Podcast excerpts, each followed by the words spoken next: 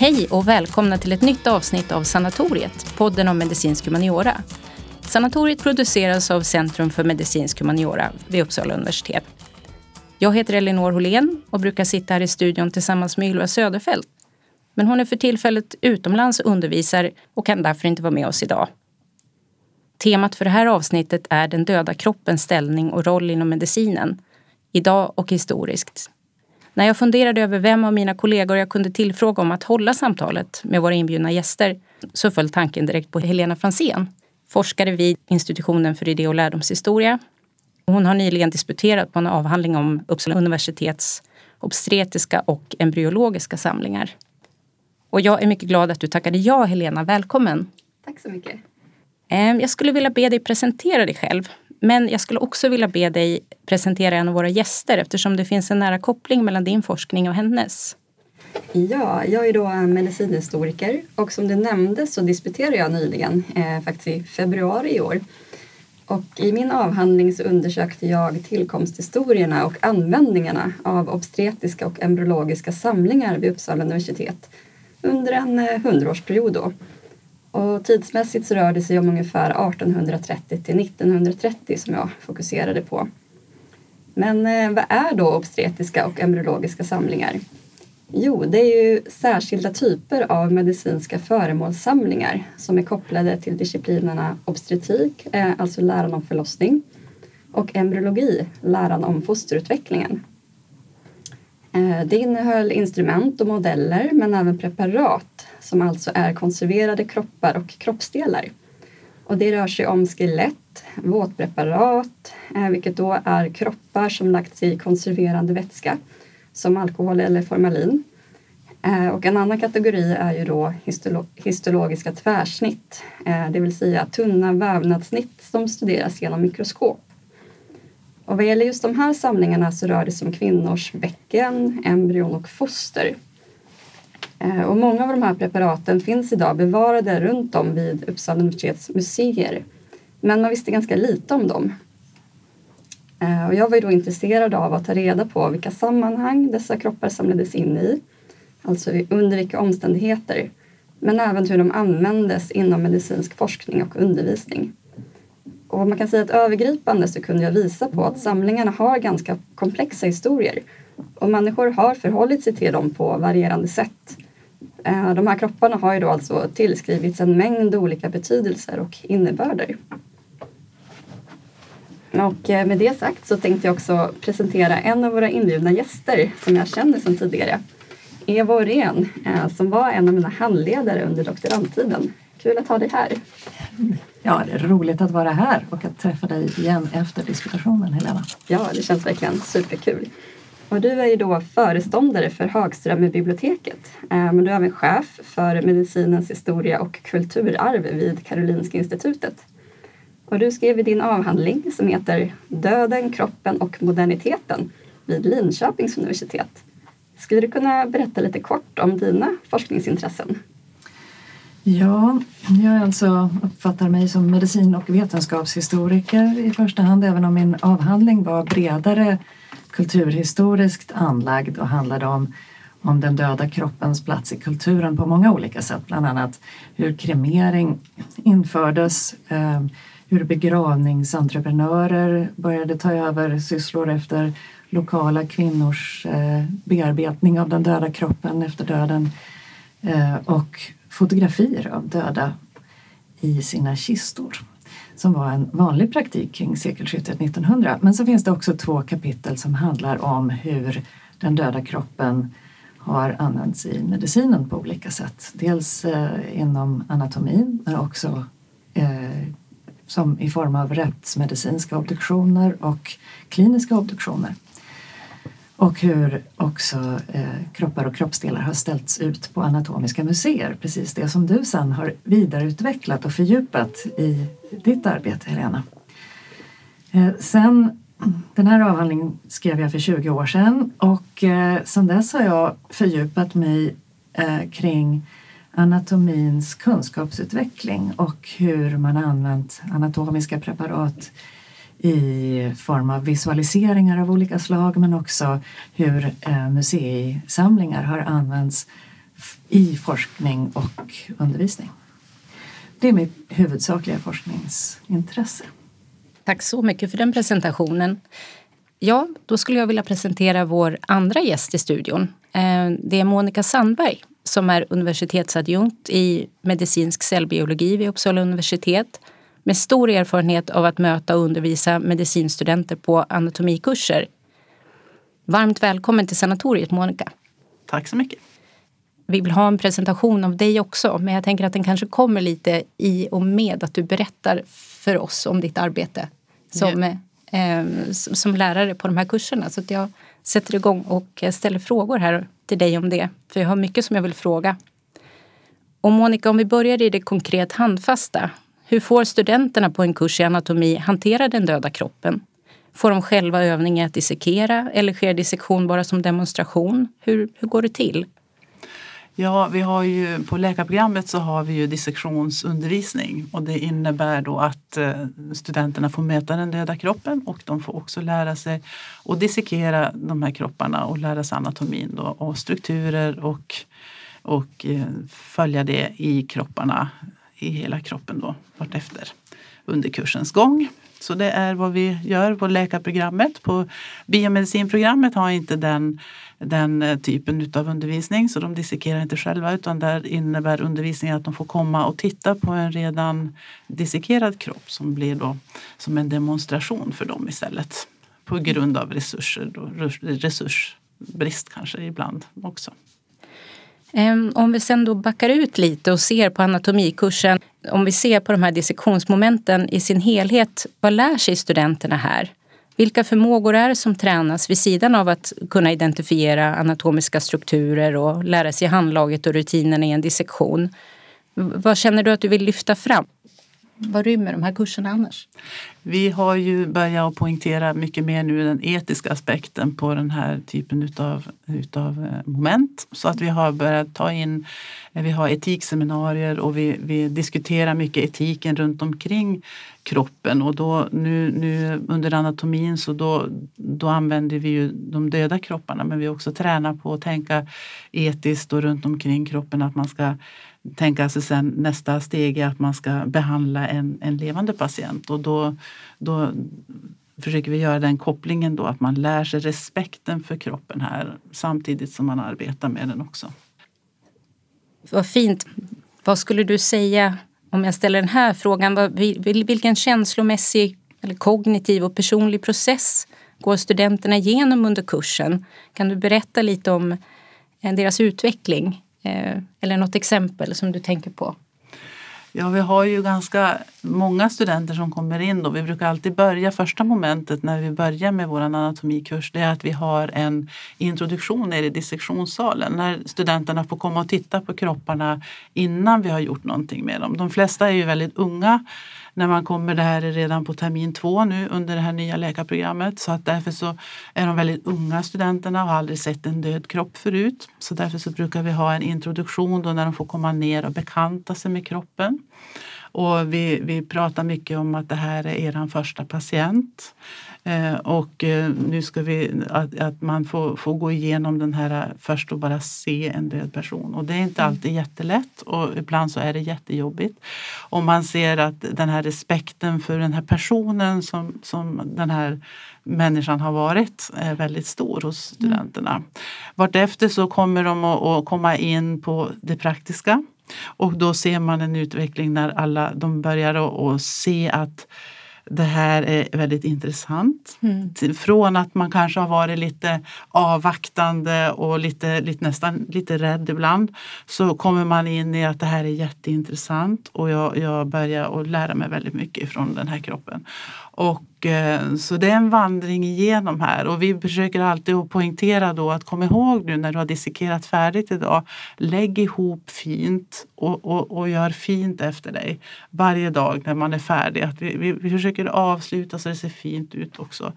Och det gör att studenterna känner, jag tror att många de, vi, vi vill lära dem att de ska zooma in för att bli skickliga på det hantverket. De ska leta sina strukturer, de ska lära sig att och dissekera naturligtvis och, och, lära sig vad strukturerna heter.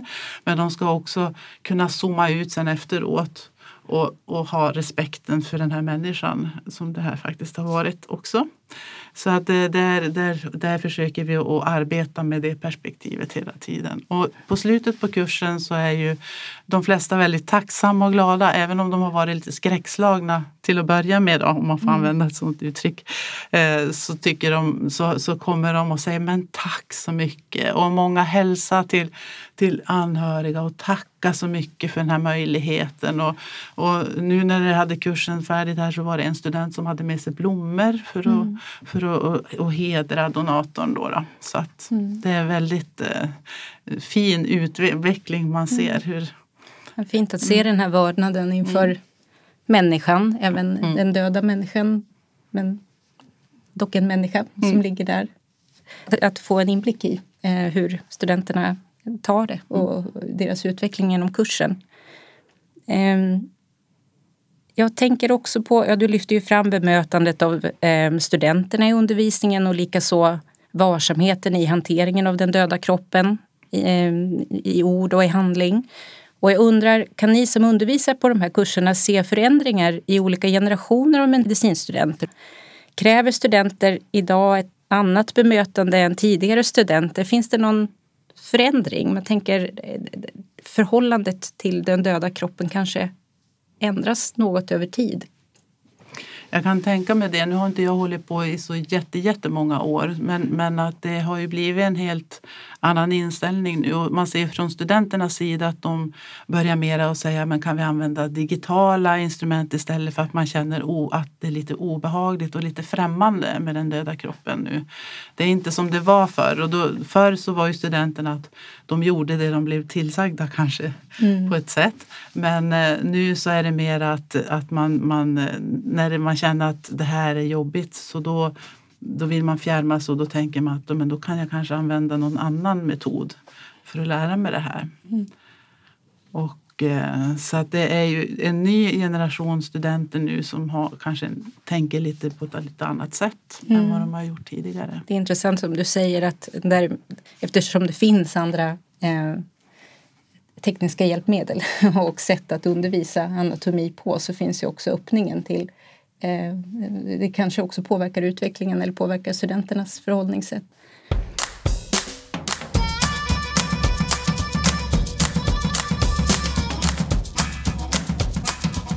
Ja, så Monica berättar här om, om några förändringar som hon kan se i hur studenter mottar undervisning där döda kroppar är demonstrationsobjekt.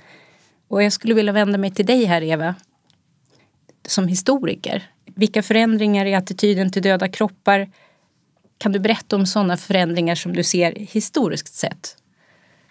Ja, det är en väldigt, väldigt stor fråga. Men mm. eftersom vi fokuserar på medicin här så ska jag givetvis fokusera på det och relativt modern tid. Eh, så jag tänker att vi kan börja någonstans under 1800-talet.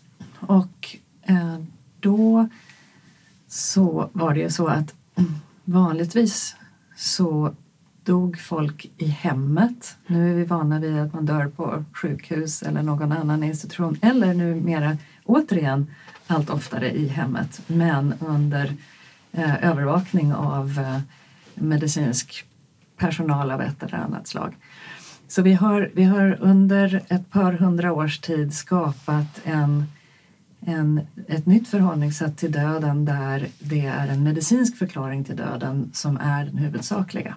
Så döden försiggår liksom inom medicinens domän i väldigt hög utsträckning. Tidigare, och det här är liksom en, en långsam utveckling och som sker på olika sätt på olika ställen i världen. Men eh, här i Sverige så har det ju då kring 1900 så tog den här utvecklingen fart och sen ännu mer inemot mitten på 1900-talet. Under 1800-talet så började man också allt mer dissekera eh, döda kroppar just inom anatomiundervisningen inom de medicinska fakulteterna och på den alldeles nya eh, medicinska utbildningen på Karolinska institutet som öppnade 1810.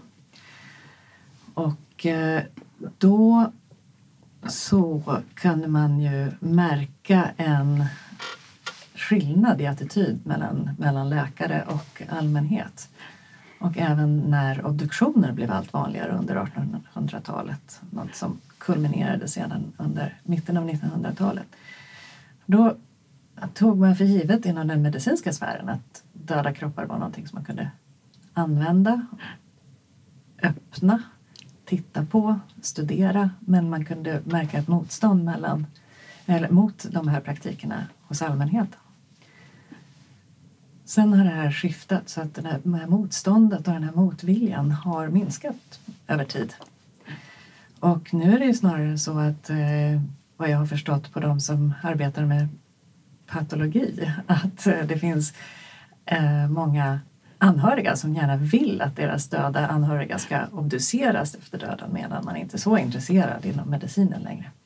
Så här finns många, många olika schatteringar att mm. undersöka om man tittar på förändrade attityder även inom medicinen och hur det har gått till. Ja, jag tänkte ju passa på att fråga lite mer om, om just det här. För nu har vi pratat en del om eh, kring vem det är som dissekerar, alltså då främst medicinskt verksamma läkarstudenter ska lära sig om kroppens strukturer. Men vem är det som dissekeras? Och eh, hur ser lagstiftningen ut idag jämfört med tidigare? Så tänkte jag vända mig till dig Eva. Vems kroppar var det som dissekerades historiskt och, och varför? Och var det lätt för de medicinska lärosätena att få tillgång till döda kroppar? Ja, det här skulle jag också kunna hålla långa föreläsningar om, men jag ska ta det snabbt och börjar i 1600-talet. För ehm, anatomi blev allt viktigare under eh, renässansen och var etablerat som undervisningsämne på 1600-talet. Och ehm, i Sverige så började man eh, undervisa i anatomi med dissektioner inför publik på 1600-talet. Inte minst just här i Uppsala i den fantastiska anatomiska teatern i museum, som nu finns i Museum Gustavianum som alla bör besöka och titta på om ni inte har gjort det redan. Då, på den tiden, så var det bara avrättade brottslingar som dissekerades. Sen kom det nya lagar under 1700-talet, framförallt vid mitten av 1700-talet och då fick de svenska universiteten i Uppsala, Lund och Åbo och i Stockholm var det då Collegium Medicum som hade viss undervisning i anatomi. De fick rätt att använda kroppar efter de som hade tagit sitt eget liv och efter barn som fötts utanför äktenskapet. Och det var alltså exakt samma grupper som de som inte fick begravas kyrkligt. Och det här antyder då att man såg anatomi som ett slags straff men också att den döda eh, personen som dissekerades på något sätt kunde sona sitt brott genom eh, att bli, nyttiggöras som, eh, i anatomisk dissektion. Och Collegium Medicum fick också rätt till, till kroppar från personer som hade dött på Stockholms olika straffanstalter plus eh, allmänna sjukhus, hospital, lasarett och fattighus.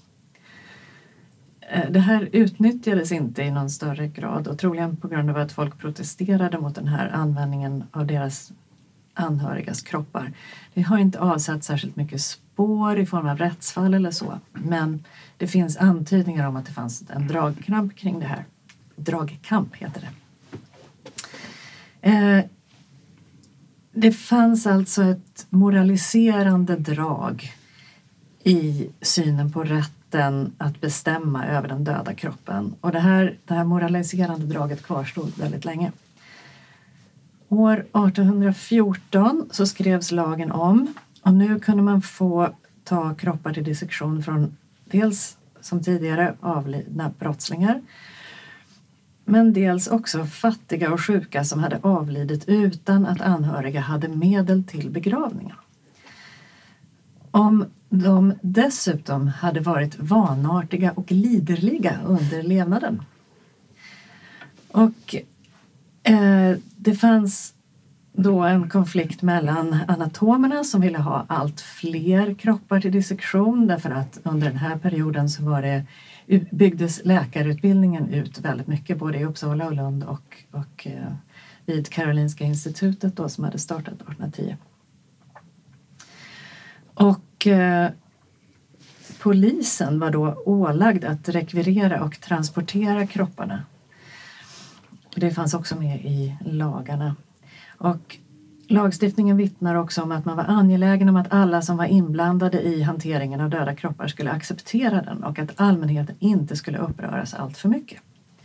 Så det fanns till exempel noggranna anvisningar om hur kropparna skulle hanteras och hur den här transporten skulle gå till. De som undervisade i anatomi då, de klagade hela tiden på att det inte fanns tillräckligt med kroppar. Man brydde sig inte det minsta om vad de fattiga och utsatta ansåg om den här saken. Och etik diskuterades överhuvudtaget inte inom eh, de medicinska utbildningarna.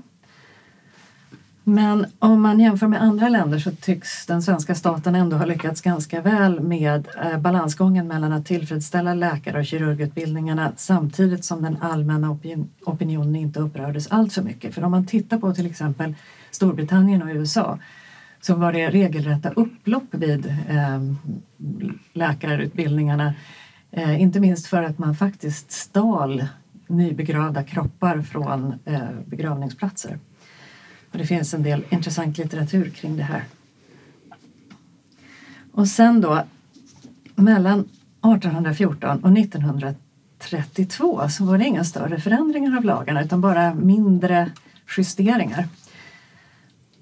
Antalet institutioner som ålades att avlämna döda kroppar ökade dock och fler lik levererades till de institutionerna. Och de här förändringarna tillkom alltid efter påtryckningar från anatomerna.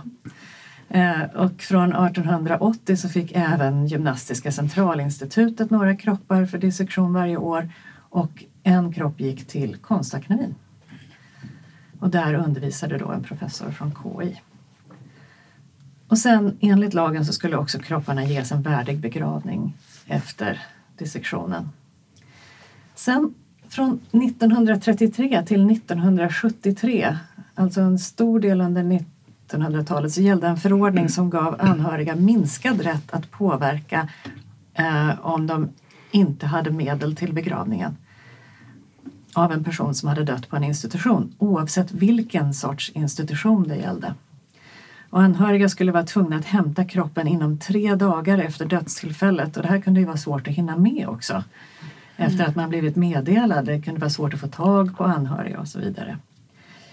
Som, det var alltså så att alla som begravdes på, som skulle begravas på allmänhetens bekostnad fick tas till dissektion om inte eh, alltså det fanns en sorts hierarki mellan rättsmedicin, kliniska obduktioner och anatomi. Så anatomin låg liksom längst ner i den hierarkin.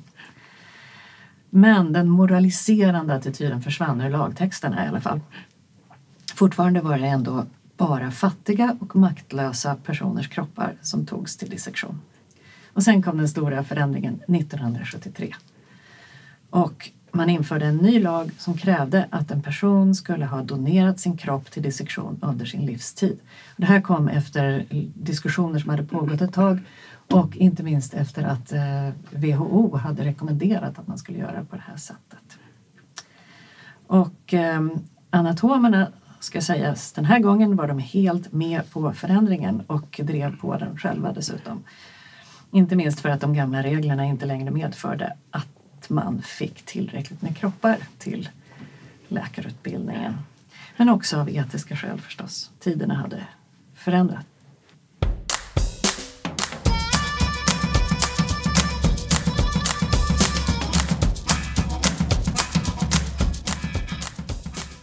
Tack Eva, vilken jättebra historisk eh, översikt vi fick där om vilka det var som hamnade på dissektionsborden eh, tidigare i historien. Eh, då tänkte jag vända mig till dig Monica. Vi fick ju höra här att eh, i början av 1970-talet så eh, blev det ju en helt annan förutsättning än det var tidigare då det var utsatta människor som blev dissekerade. Eh, vilka människor är det som dina studenter får dissekera? Vi har ju ett system med helkroppsdonatorer där vi, där vi har eh, har, eh, där man får donera. Det, det som krävs för att bli helkroppsdonator det är ju att man skriver på ett testamentariskt uttalande. Och det gör man då när man är vid sina sinnens fulla bruk och då skriver man i ett papper där man talar om att man, eh, man önskar donera sin kropp till forskning och till, till undervisning i anatomi. Och, eh, och det är de då personerna som kommer till oss då, de som verkligen har uttryckt en önskan att få bli helkroppsdonatorer. Och det är ju väldigt varierande eh, person, olika typer av personer. Det är inte alltid bara, för man tänker att det kanske är de som har jobbat i vården tidigare som har varit med om det här och som ser hur mycket de har lärt sig av det. Men det är inte bara före detta vårdpersonal utan det är lite av varje. Många människor som hör av sig till oss som, som inser att ja, men jag kan faktiskt bidra till. Jag fick ett brev en gång från en, en, eh, en av våra donatorer som skrev att Kära Monica Sandberg, jag önskar att donera min kropp eftersom att jag har fått så mycket bra ifrån vården. Den har varit mig till så mycket stor nytta så att nu vill jag donera min kropp när jag har avlidit till, till så de kan lära sig, nya läkare kan lära sig anatomi här. Det är fint. Får jag ställa en följdfråga? Eh, bryta in här. Eh, jag undrar bara, det, innebär det här att det mest är äldre personer då som kommer, eh, äldre personer vars kroppar kommer till dissektionssalen? Ja, det, för det mesta så är det ju äldre personer. Eh, ibland så är det ju yngre också. Det är ju många yngre som, som anmäler sig till registret faktiskt. Som, trots, trots att man tänker att men, det är så länge kvar så är det många som är yngre som, som, eh, som anmäler sig. Och, och eh, men de som sen verkligen avlider på ett sådant sätt så att det, det, det fungerar för, för anatomisk dissektion, de, det är ofta äldre personer. Då. Ja, alltså, vi fick ju höra här tidigare av Eva så har det historiskt sett funnits en upplevd brist på döda kroppar. Eh, och då undrar jag om det är en avgörande punkt även idag. Eh, Monica, du var ju inne lite tidigare där du nämnde att det finns digitala instrument också som kan användas i dissektionsundervisningen. Eh, är det alltså ett annat, en annan form av pedagogiskt hjälpmedel? Vad, vad innebär det här med digitala instrument? Ja, vi har ju en hel del olika typer av digitala hjälpmedel för att undervisa anatomi. Och det kan ju då vid terminer när vi inte har tillräckligt med donerade kroppar då till vår undervisning så, så har vi använt de här visualiseringsborden. Och då är det som ett stort, en stor iPad som är som ett stort bord som man då har skannat kroppar och då kan man titta igenom lagren och man kan vis, vända och vrida på kroppen där och titta igenom och plocka bort olika organ som man kan se på ett annat sätt än vad man kan göra i böcker. Så det finns många fina digitala hjälpmedel som vi kan använda. Ja, eh, det är intressant att det finns då olika sätt man kan bedriva dissektionsundervisningen på då i syfte att eh, studenterna ska lära sig om, om kroppens strukturer. Men hur har det sett ut eh, tidigare då, Eva? Eh, har det funnits andra pedagogiska hjälpmedel eh, om detta än just att eh, dissekera kroppar? Absolut. Eh, det här att dissekera kroppar på ett liknande sätt som man gör idag, alltså att studenter själva gör det. Det var en praktik som infördes i början av 1800-talet. Innan dess så var det framförallt en, en eh, professor som läste före, alltså föreläste ur en bok. Och samtidigt var det en prosektor som skar upp den, den döda kroppen som var upplagd på ett sådant sätt att man skulle att åhörarna, eller de som de lyssnade på föreläsningen och samtidigt tittade på själva sektionen, hur den gick till. Eh, men sen så började man införa det här med dissektioner och då fanns det en konflikt mellan Uppsala universitet och Karolinska institutet där KI eh, hävdade att det var mycket bättre att studenterna fick göra egen praktisk dissektion medan Uppsala universitet stod för en äldre tradition med en mer idealistisk inriktning där det var att titta på vad som gjordes som var det viktiga. Så där kan man säga, där finns det en skillnad bara där. Men sen fanns det också redan tidigare eh, fantastiska modeller och eh, framförallt under det sena 1700-talet så började man göra oerhört realistiska modeller i vax vid eh, de norditalienska universiteten Bologna och Florens. Och än idag så finns det en, ett sådant museum, väldigt välbevarat, som jag kan rekommendera i Florens, eh, La Specola. Och det är som en sorts multimedia eh, kurs i anatomi där man kan titta på dels eh, helfigursmodeller, eh, stående och liggande som visar olika organsystem och även eh, partier, alltså delar av kroppar som är framställda i vax. Och de är helt otroligt realistiska. Ja, ni vet om ni har varit på Madame Tussauds så kan man få en känsla för hur oerhört eh, påtagligt eh, påtaglig en vaxskulptur kan vara.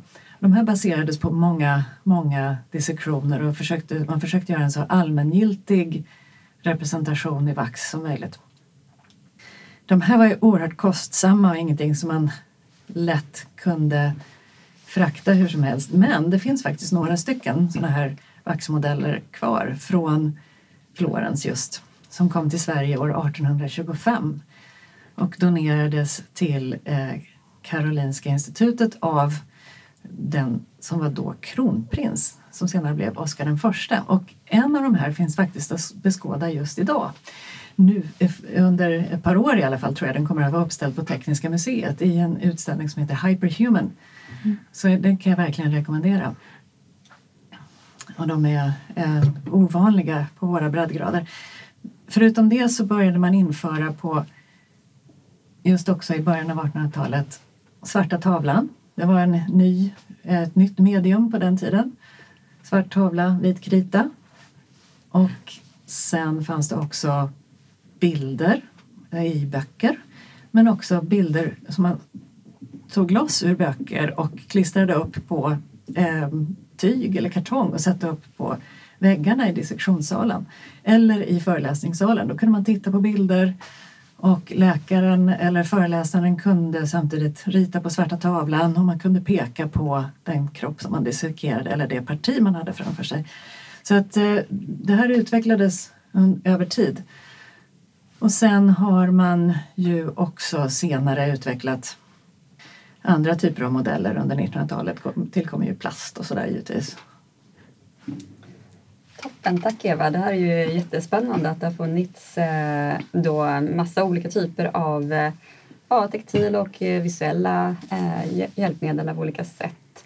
Eller av olika slag säger man snarare. Vänta, nu kommer jag på en viktig sak till här och det var ju museet. Museet som du har varit inne på Helena var ju också en väldigt viktig eh, plats för undervisningen. Och det är att man kunde som student själv få gå in i studiesalen, bensalen, där man kunde få hantera ben och eh, när man studerade då eh, kroppens olika ben kunde man vrida och vända på de här och ta i dem. Apropå det taktila, det var det som fick mig att tänka på det. Men sen så fanns ju olika då, eh, delar av, av eh, människo och djurkroppar utställda i olika delar av museet. Och det fanns stora sådana anatomiska museer både i Uppsala och på Karolinska institutet. Ja precis, och även då vid, vid Lunds universitet eh, ja. om vi tänker i Sverige. Eh, och vi återkommer då till frågan om vad ursäkta, studenterna ska lära sig av dissektion. Eh, och vid sidan av eh, döda kroppar så används ju idag eh, virtuella dissektionsbord som Monica berättade om eh, medan anatomiska modeller då och andra avbildningar har använts under lång tid. Och som sagt, de här olika hjälpmedlen tränar ju olika Eh, som sagt visuella och taktila förmågor eh, på olika sätt. Eh, då skulle jag vilja vända mig till Monica. Eh, hur går diskussionerna idag eh, inom eh, din sfär så att säga? Finns det olika inriktningar om, eller ideal snarare kring vilka hjälpmedel som anses vara bättre? Finns det de som föredrar dissektion av döda kroppar för att det på något sätt ska vara ett bättre sätt att lära sig om kroppens struktur eller finns det de som förespråkar att bara virtuella dissektionsbord eh, räcker? Ja, det är väldigt olika skolor det där såklart. Vi har ju inte alla lärosäten i Sverige använder ju heller eh, döda kroppar i dissektion utan man använder digitala hjälpmedel och, och tillgodogör sig anatomin på annat sätt. Så att eh, vi som har helkroppsdonationer är ju Karolinska då, och så vi här i Uppsala och Umeå.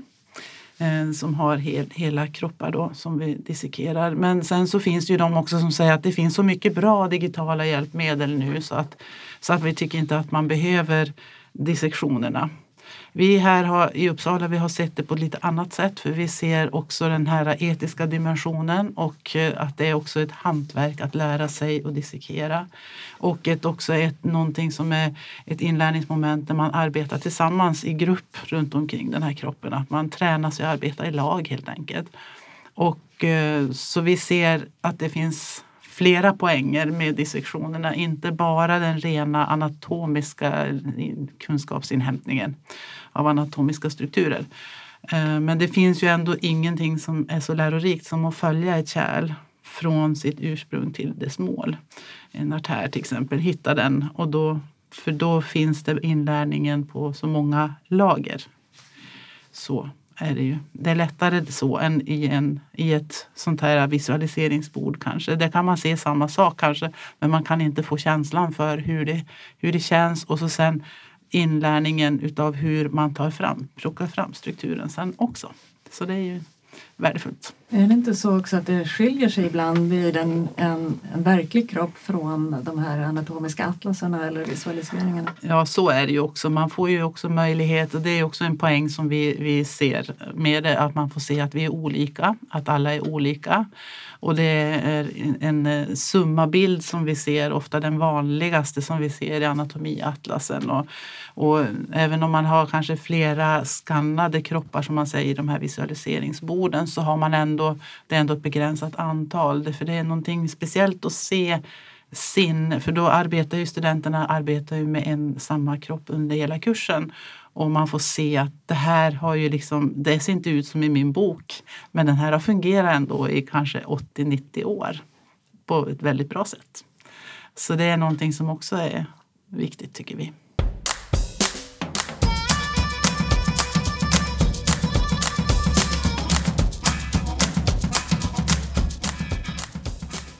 Det är så spännande tycker jag, de inblickar man får i eh, undervisningen som den ser ut nu. Eh, det du som lärare plockar upp och lyfter fram till oss och också den liksom, historiska tillbakablicken. En sak som jag tänkte på, ja, vi har ju pratat mycket om hur studenterna tränas under kurser där en död kropp ingår och som används i undervisningen då. Hur de lär sig närma, närma sig en död kropp till exempel. Jag skulle också vilja rikta fokus mot det språkliga. Vilken roll valet av ord och uttryck spelar i undervisningen. Och jag undrar då, hur talar man om den döda kroppen? Det finns ju många synonymer man kan använda för att tala om den döda kroppen väljer jag att säga. Mm. Det finns ju andra synonymer man kan välja. Och eh, hur tänker ni kring det? Ordval? Vi är ju väldigt noga med att om man läser till exempel engelsk litteratur då står det ju ofta kadaver. Och eh, vi har faktiskt, vi använder inte det ordet alls på våra, våra kurs därför att vi tycker att eh, det blir så opersonligt. Så vi relaterar till kroppen som donatorn Eh, som den första patienten också för att studenterna ska kunna relatera på ett bra sätt och då blir det med en annan respekt som man, man, man eh, gör de här dissektionerna och arbetar runt omkring kroppen. Så att eh, vi, vi vill inte, vi har vi använder inte den, de orden och vi försöker också och, och vi hela tiden prata med studenterna att vi, vi, det är väldigt viktigt att det här, den här kroppen behandlas med respekt för att den här kroppen en, har varit en person som har anhöriga. Också av respekt för anhöriga känner vi mycket att det är både respekt för donatorn men också för, för, eh, för anhöriga. Så. Mm. Jag tycker det är väldigt intressant Monica, det som du har pratat om, den etiska dimensionen i eh, hur ni förhåller er till den döda kroppen idag. Och det här är ju någonting som verkligen har förändrats över tid och eh, även etik och medicinsk etik har ju en historia. Det är någonting man inte alltid tänker på idag. Eh, nu har samtycke, consent, eh, hamnat väldigt mycket i fokus men det är ett ganska sent påfund när man pratar om medicinsk etik. Och hela idén om medicinsk etik är någonting som växer fram efter andra världskriget. Och begreppet bioetik är ännu senare, det kommer på 1990-talet. Och innan dess så, så har man talat om en professionell etik där läkare, särskilt i andra länder, i USA har det varit vanligt långt fram i tiden att man svär den hippokratiska eden som i sig är en historiskt komplicerad, eh, eller har en komplicerad historia. Och en huvudpoäng i den är att den som blir läkare svär att man framförallt inte ska skada någon. Men sen om man tittar närmare på vad som man faktiskt har diskuterat i medicinska professionella kretsar så visar det sig att det oftast snarare har handlat om diskussioner om hur man ska agera gentemot andra läkare mm. eh, snarare än patienter. Eh, man, ska inte heller, man ska till exempel inte stjäla andra läkares patienter och man ska verkligen se till att man vet vad man gör. Man ska inte, bara, man ska inte ägna sig åt kvacksalveri. Och inom anatomernas verksamhet historiskt så ser man att eh, eh, man ofta vänder sig mot vad ens företrädare har gjort för att definiera sig själv som bättre. Och eh, eh flera, det finns flera exempel på hur anatomer i, eller läkare i sina självbiografier beskriver smuts och dålig pedagogik hos sina företrädare och pekar alltså på hur saker och ting har blivit bättre och särskilt under deras egen ledning. Eh, och där finns det ju många exempel också på hur regler för anatomisalen har utvecklats över tid och där har man blivit allt mer sträng och strikt. Men i det här ligger också en sorts um, um, medgivande av att det finns saker man har gjort på anatomisalen som kanske inte har varit helt okej okay, och som man inte har sett som helt okej okay i den samtiden heller. Det finns flera exempel från 1800-talet om hur man har eh, sett på hur anatomi, anatomistudenter har skämtat med kroppsdelar till exempel. Och sånt här är ju absolut helt oacceptabelt idag men var det kanske inte då heller. Nej, det är fint att få en belysning också av det. Den, den etiska utvecklingen eller vad man har fokuserat på i etiken. Att det har kunnat vara inom professionen ibland som du säger mellan, mellan eh, kollegor snarare eh, än, eh, än relationen till den här döda kroppen. Mm. Ja, det är ju mycket med det där att man känner att man måste avgränsa sig kanske mot sina företrädare. Därför att det hela tiden så finns ju den här frågan. Vad har jag rätt att göra egentligen mot en död kropp? Och eh, den här frågan får jag ganska ofta ifrån studenter. Och eh, då frågar de så här, vad är det som gör att jag kan ta mig rätten och göra det här mot den här kroppen, mot den här personen? Och det har vi funderat mycket på och det är väl därför också våra testamentariska uttalanden har kommit till också. Därför att det gör att vi kan säga, men man kan göra det inte därför att du tar dig rätten utan därför att donatorn har gett dig rätten att göra det här. Mm. Precis, där har vi eh, det som vi i livet vill respektera hos en människa, eh, eh hans eller hennes beslut eh, auktoritet över sitt eget liv och vad, vad man själv vill med det. Eh, det bör vi också respektera efter personens död. När man, jag tycker när man tänker kring de här frågorna och etiken så känns allting väldigt komplext i vissa moment. Men det du uttrycker nu tycker jag ändå liksom, eh, kokar ner det till att något ganska enkelt. Så länge man har det här testamentet, det här medgivandet Eh, naturligtvis är det viktigt hur man behandlar kroppen ändå.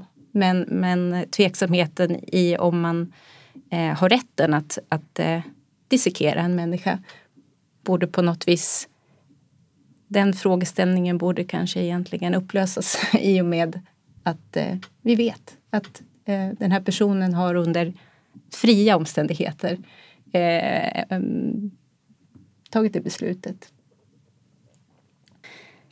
Jag vill tacka er. Jag tror att vi har nått punkten där vi borde avsluta, avrunda det här samtalet som skulle kunna fortsätta ännu mycket längre. Så jag vill tacka er så mycket. Eh, börja börjar med mina gäster, våra gäster. Eh, Monica Sandberg eh, för det här samtalet. Eh, Eva Orén. Jag vill också tacka dig Helena Fransén eh, för att du eh, tackade ja till att sitta vid min sida eh, här idag. Jätteroligt att få vara med. Det har varit ett superspännande samtal tycker jag. Tack. Tack så mycket.